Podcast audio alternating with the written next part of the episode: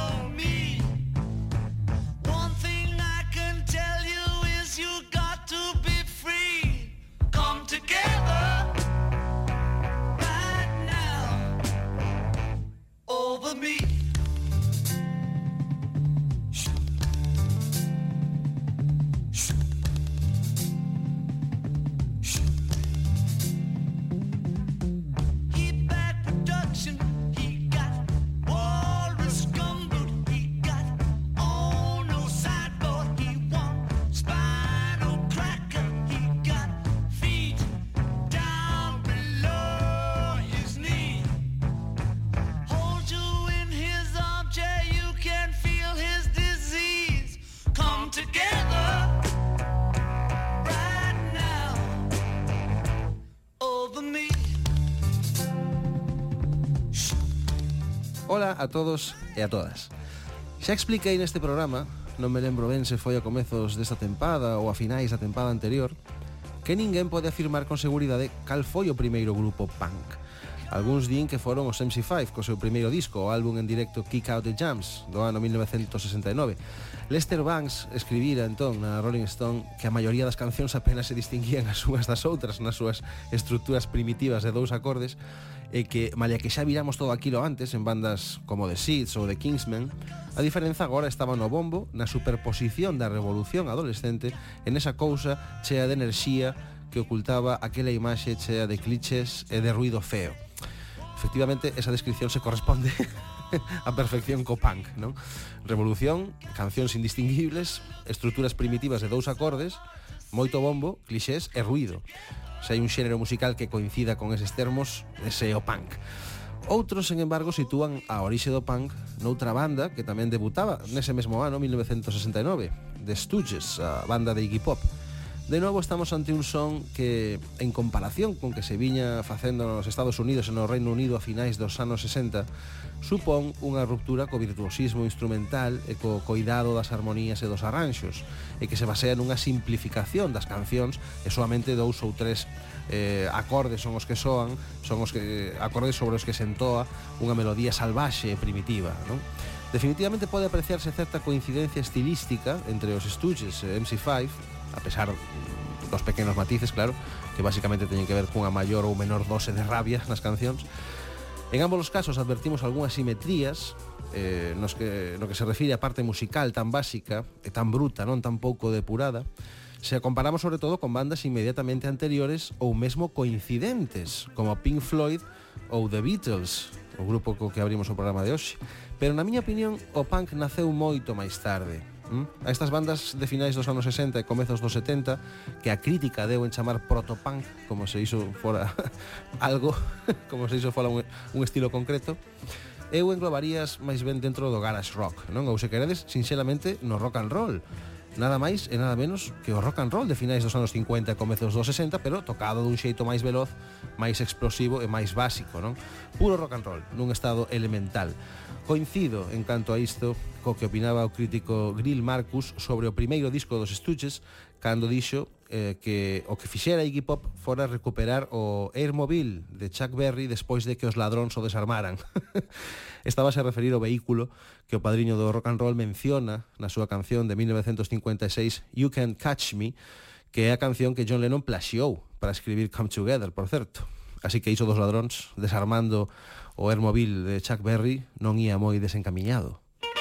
Música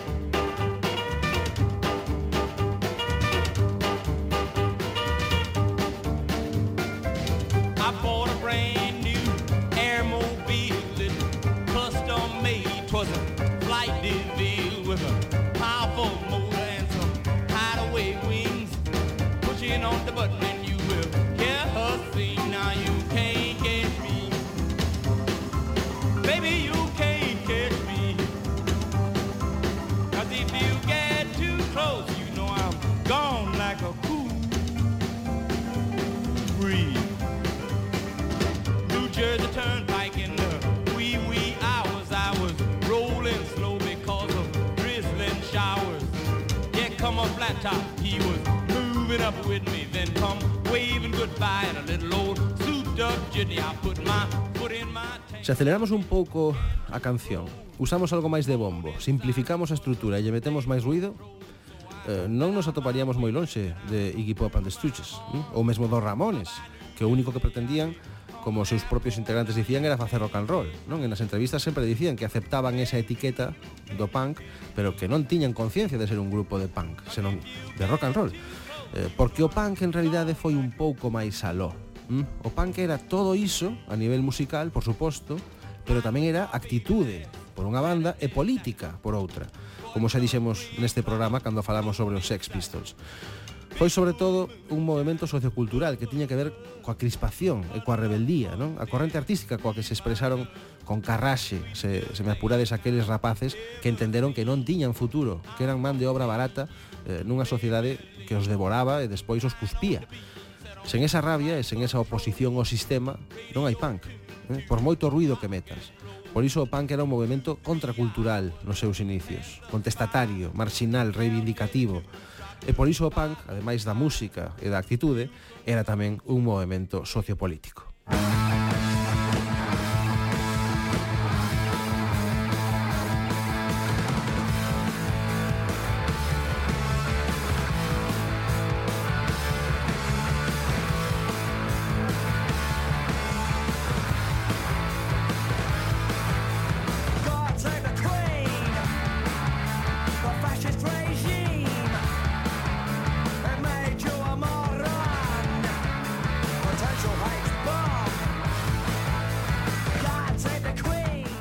Ata que o tempo foi pasando e aqueles rapaces que cantaban contra a Reña de Inglaterra, contra o poder establecido e contra as bases do establishment, se decataron de que tamén eles, berrando aquelas cousas contra o vento, formaban parte do mercado. Ai que desgusto. Mm. Resultou que non eran máis que uns bonecos dirixidos por outros que sabían que esa imaxe de revolución vendía ben. Eh? A súa posición ao sistema era en realidade un xeito de aproveitarse do sistema. Era a forma que atopou o mercado para explotar económicamente a aqueles que estaban fartos de ser explotados polo mercado. En consecuencia, mm, a simpatía polo movimento sociopolítico este en que consistiu o punk foi caendo e caendo e caeu aínda máis nos anos 80, especialmente coa aparición daquilo que a crítica deben chamar post-punk, eh, o nilismo e o fastío da xeración X atopou a cubillo pouco despois na apatía de Kurt Cobain e do grunge en xeral, as estruturas musicais mantiveron a súa complexidade co co rock e co pop alternativo, tan denso e tan pesado e tan escuro non? Na primeira metade dos anos 90 a actitude de rebeldía e de espírito indomable refuxouse un pouco nos Gallagher, nas bandas do Britpop ata que de súpeto na costa oeste dos Estados Unidos concretamente nas praias de California entre traxes de baño, tipo bermudas cabelos con mechas, cadeas colgando e monopatins resurdiu o punk hm? chegou a coñecida como segunda onda do punk. E o bombo volveu soar o ruido volveu a aparecer, as estruturas se volveron simplificar, o número de acordes volveu minguar, E o máis importante, a actitude volveu a aparecer non? A actitude do punk, de rebeldía, de carácter salvaxe Reapareceu nos anos 90 en California Entre guitarras eléctricas e amplificadores Pero iso sí, non quedaba nin rastro do carácter sociopolítico do punk nin rastro da reivindicación, da marxinalidade ou da crispación. Todo o contrario, máis ben eran rapaces de clase media montando bandas para tocar no campus, non? Ou na praia e vendo películas da saga American Pie. Haberá quen opine que, eh, seguindo o mesmo razonamento que o aplicado con The Stooges ou con MC5, se a única coincidencia co punk era a música, non podemos falar realmente de segunda onda do punk, non? E o certo é que isto non é exactamente así porque a actitude se mantén, segue viva a pose, o espírito rebelde e despreocupado, pero chegados a este punto é verdade que temos dúas opcións. Ou ben pasar a hora seguinte profundando neste debate terminolóxico que seguramente nos ocuparía mesmo outra hora máis, ou ben eh, comezar a disfrutar xa dos temazos que nos regalou este movimento punk nacido en California nos anos 90. Eu voto polo segundo, eh, aquí mando eu, así que non hai nada máis que falar. Eh, son Manuel de Lorenzo e hoxe imos desfrutar do mellor Californian punk, skate punk ou como queirades vos chamalo, aquí, en Cara B. Música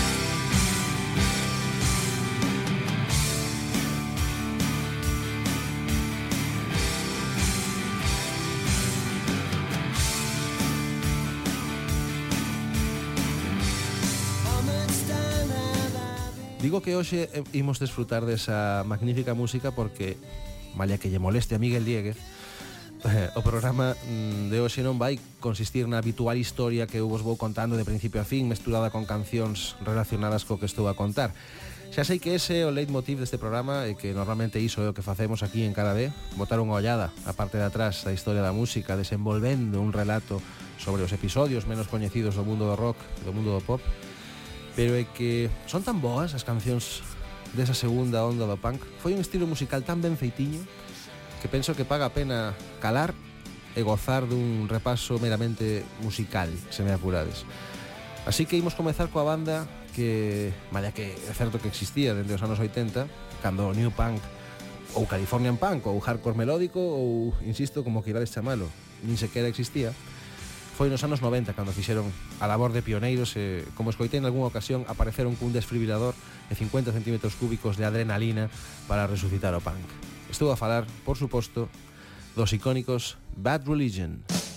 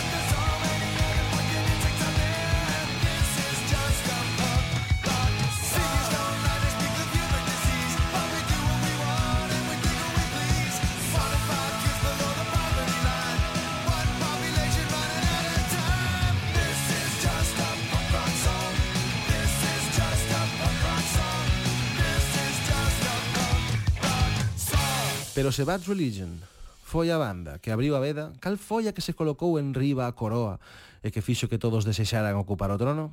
Pois, en dúbida algunha, eses foron Green Day. Comparados con The Clash, pola súa gran popularidade a nivel mundial, o certo é que ningunha banda punk lograra romper así as fronteiras, non? Para chegar a todo o planeta dende que Joe Stramer liderara a súa banda eh, no Reino Unido. Na súa, disco, na súa discografía hai cancións eh, que van dende unha balada moi suave ata temas que efectivamente provocan xordeira, non? Pero eh, seguramente todo isto do que estamos a falar hoxe non existiría se non fora por unha das súas cancións máis emblemáticas. Basket Case. Do you have the time to listen to me whine about nothing and everything all at once? I am one of those melodramatic fools Neurotic to the bone, no doubt about it. Sometimes I give myself the creeps. Sometimes my mind plays tricks on me. It all keeps adding up. I think I'm cracking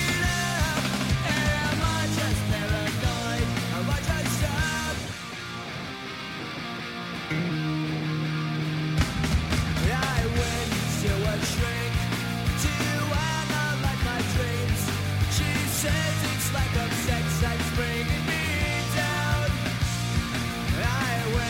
I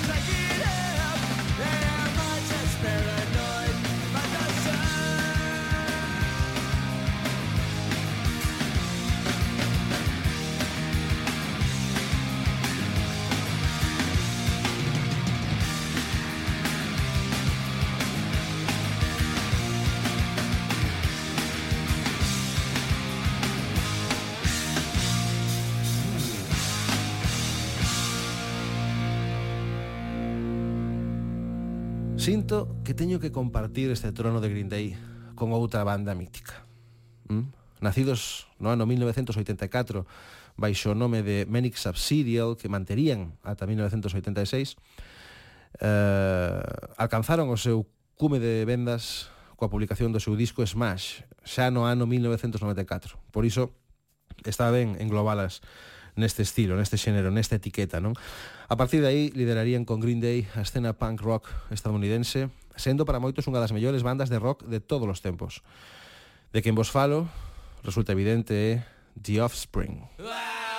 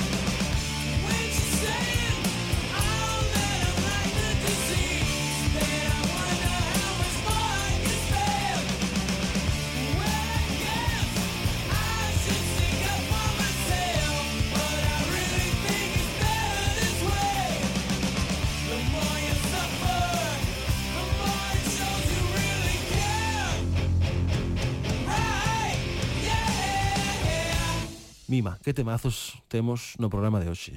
E que a min que entranme ganas de poñerme a, fa, a saltar e a facer o pogo. eh, outro dos artífices da segunda onda do punk californiano foron Tim Armstrong e compañía. Rancid, Um, a pesar de, de que Tim Armstrong era un, un gran fan do hardcore, eh, Rancid caracterízase pola mestura do punk máis clásico co ska e tamén co reggae, non? Posiblemente o seu disco máis famoso fora o mítico An Outcome the Wolves, editado a través do selo Epitaph, que é o selo básico, non emblemático do punk californiano.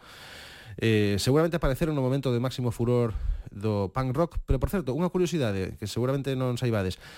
Non só triunfaron ao mesmo tempo que facían Green Day, na época do Dookie, de Basket Case, da canción que acabamos de escoitar, eh, antes de antes de Offspring, senón que antes diso, eh, Billy Joe Armstrong, o líder de Green Day, chegou a ser o segundo guitarrista de Rancid eh? e compuxo xunto con Tim Armstrong a, a canción Radio, un tema do seu álbum Let's Go. En fin, imos adiante cun dos seus mellores himnos, Fall Back Down. Fall Back Down.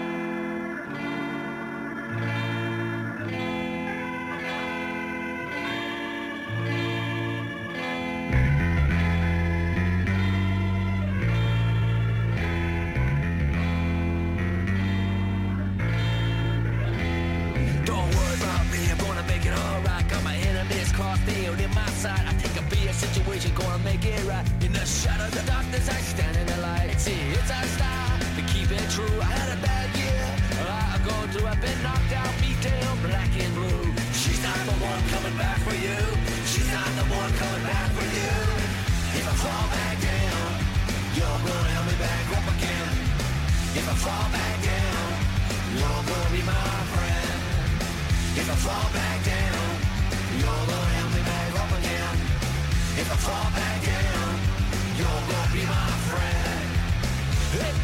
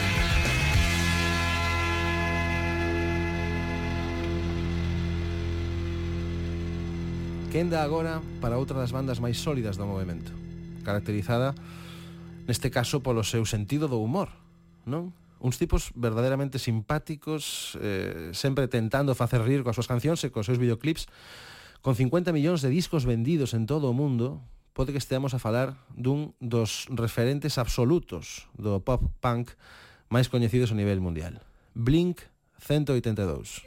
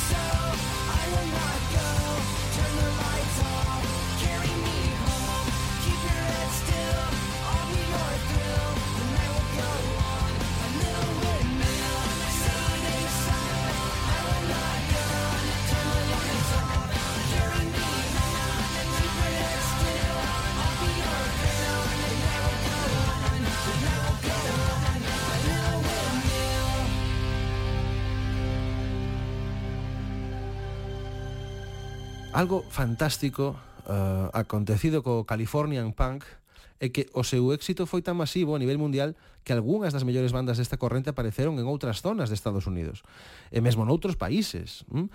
Pode que por iso o nome desta etiqueta parecise ser revisada tantas veces, non sei.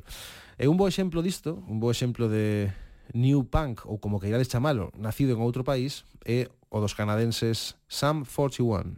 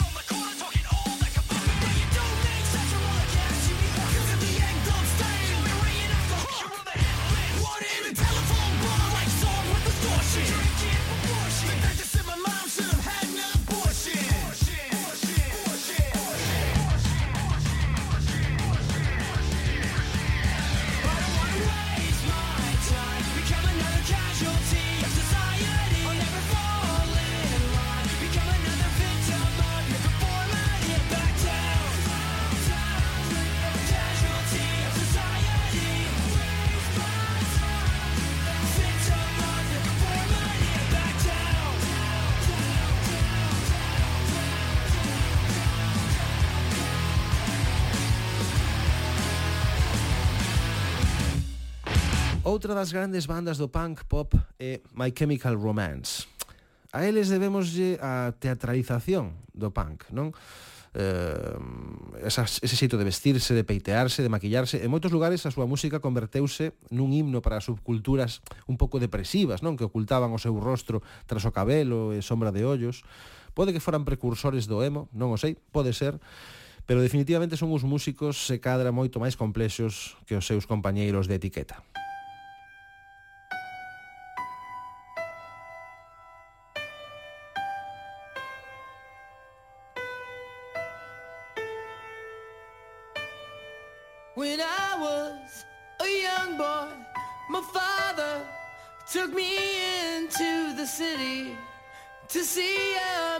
marching band. He said, son, when you grow up, would you be the savior of the broken, the beaten and the damned? He said, will you defeat them, your demons and all the non-believers, the plans that they have made? Because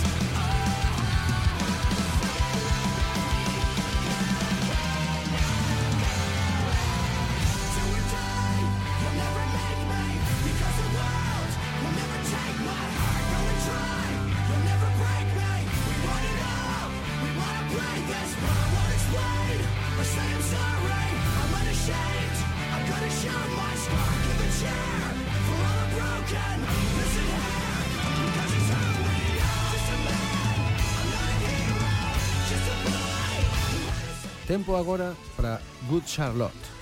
Liderados polos irmáns Madden, o grupo iniciou a súa andadura como os mozos rudos do punk, non? E en tan só uns anos deron un salto un pouco raro, comezaron a facer cancións completamente pop, vale que mantiveron a súa estética punk, pero en fin, aquí non estamos para xulgar vestimentas nin indumentarias, senón para escoitar eh, temazos como este de Good Charlotte.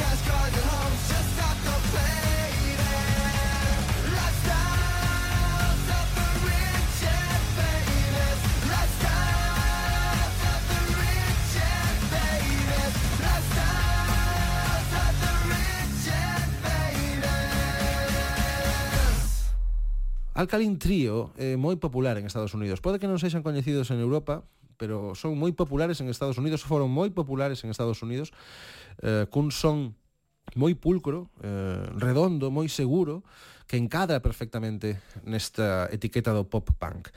Pode que esteamos ante unha das bandas máis pop punk de todas as bandas pop punk que hai no pop punk. Música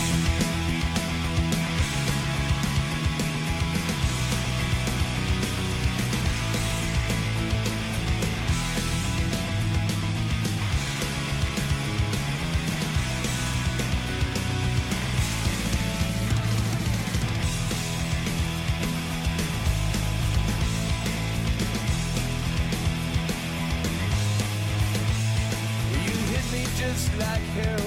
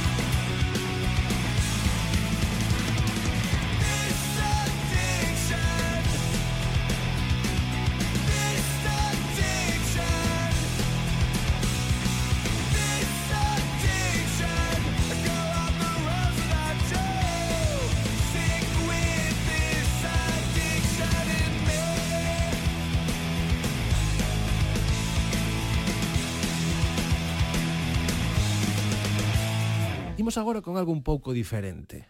¿Mm? Less Than Jake. Esta banda é unha das clásicas da escena punk de Florida. Fan algo así intermedio entre o ska, o rocksteady, o punk e o hardcore. A pesar de que a súa carreira nunca explotou cun super éxito a nivel mundial, eh, é un grupo que se mantén moi constante e que ademais ofrece un gran nivel en directo, moi recomendables. Imos escoitar eh, pode que a súa canción máis coñecida chamada All My Best Friends Are Metalheads. Less Than Jake.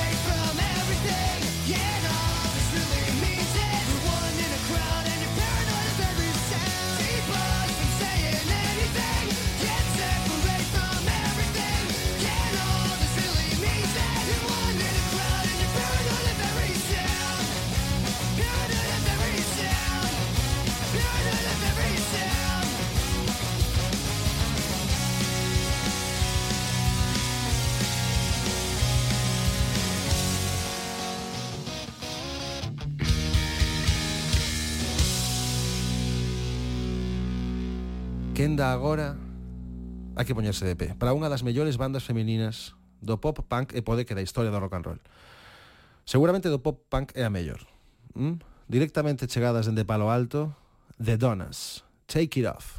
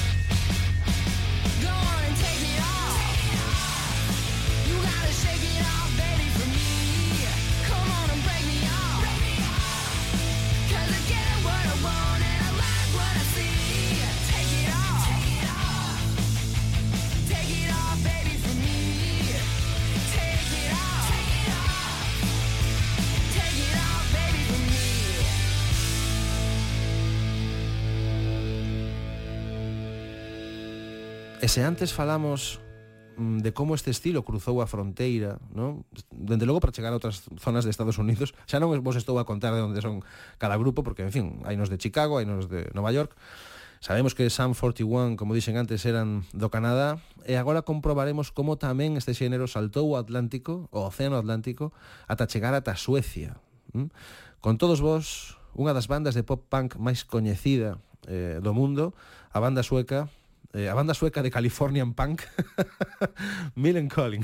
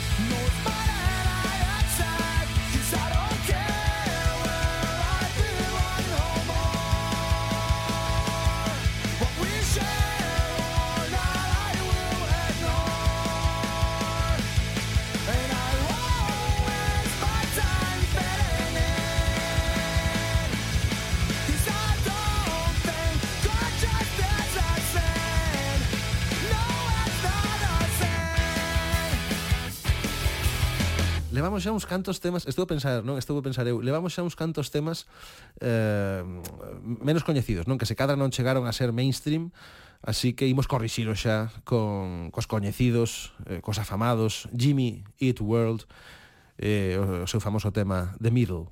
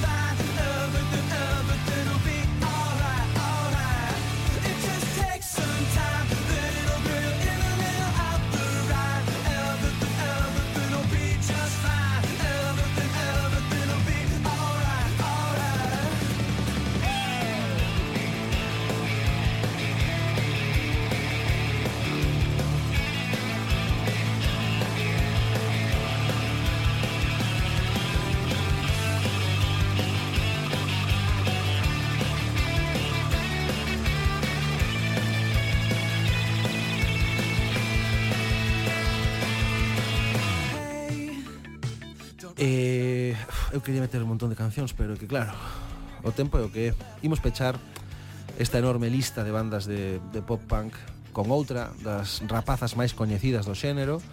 É verdade que apareceu un pouco despois, eh, tamén é certo que máis tarde a súa carreira foi por outro lado, pero estou seguro de que todos lembrades a esta moza eh, os, os hits dos seus primeiros anos, como este Skater Boy, e por suposto estou a falar de Abril Lavigne.